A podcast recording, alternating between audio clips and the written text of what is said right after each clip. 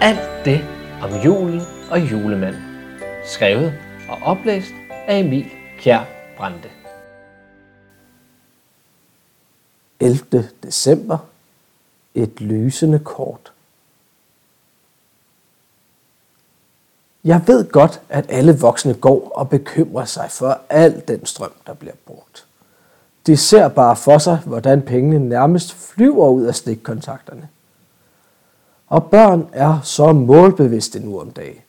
Det er der jo egentlig ikke noget galt med. Det er godt, når børn og unge ved, hvad de vil.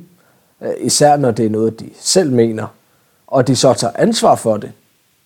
Det er godt, at børn bliver hjemme fra skole og står med skilte for at gøre opmærksom på, at vores klima altså har det til den lune side. Ja, vi er nogen, som går og får våde fødder her i Grønland.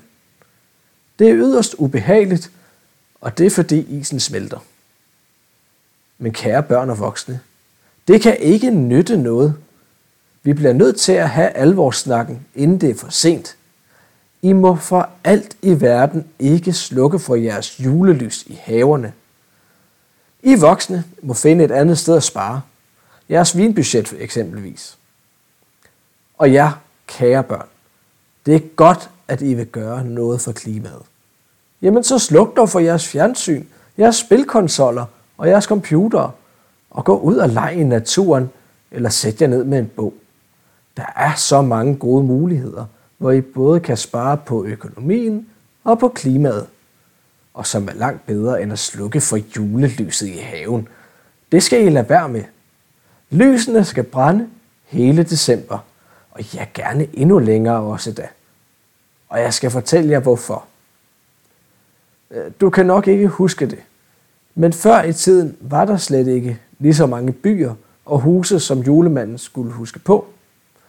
Verden var mindre, og der var slet ikke lige så mange huse.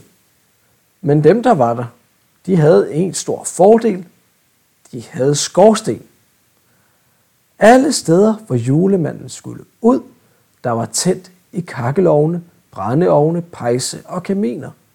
Du skal jo tænke på, at det både var sådan, de kunne varme husene op, og den måde mødrene kunne lave mad til mænd og børn. Ja, det var også før far begyndte at lave sovsen, men det er en anden historie. Der var brug for åben ild i alle huse. Nogle steder havde man oven i købet to eller tre skorstene. Hvis det var et større hus altså. Alle huse havde skorstene, og det havde jo en vis fordel, for ild afgiver røg, og røg stiger til værs, og røg lugter. Meget endda. Så julemanden vidste altid, hvor der boede mennesker, når han fløj hen over himlen. De boede for enden af røglugten, og der skulle han aflevere gaverne. Altid. Men så begyndte folk at få centralvarme og el- og gaskomfurer, og samtidig blev der bygget nye byer og bydele. Små fine parcelhuse poppede op alle steder, så alle kunne få et lille fint sted at bo. Men der var ikke skorsten i særlig mange af dem. Dem glemte de at bygge med. Den var værre. For hvordan skulle julemanden finde vej? Der var heldigvis ikke bygget så mange af de her byer endnu, da julemanden fandt en løsning på det, så han stadigvæk kunne gå mest efter røgen, og så spørge om vej der, hvor han kom frem. Men han vidste jo godt, at det ikke blev ved med at gå. Så han måtte have en plan. Sådan her gjorde han. I har måske hørt om den historie med Rudolf og den røde næse, og at Rudolfs næse lyste op, så julemanden kunne finde vej.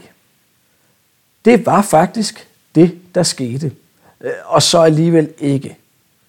Nej, for ligesom at månen kun lyser op, fordi solen skinner på månen, så begyndte Rudolfs næse at lyse op, da de fløj hen over en have med alskens kulørte lamper placeret i træerne. Og så vidste julemanden, at her kunne de lande. Og dem, som boede i huset, kunne fortælle, at alle folk snart ville begynde at tænde lys i haverne i julen. Og det lå julemanden over, for så vidste han lige nøjagtigt, hvordan han skulle finde vej. Han skulle følge lysene. Og det har han gjort siden. Så hvis du tænker, at nu skal du spare på finanserne eller skåne miljøet, og derfor ikke vil have lys i haven i år, ja, så husk, at det betyder, at julemanden ikke kan finde vej til, hvor du bor.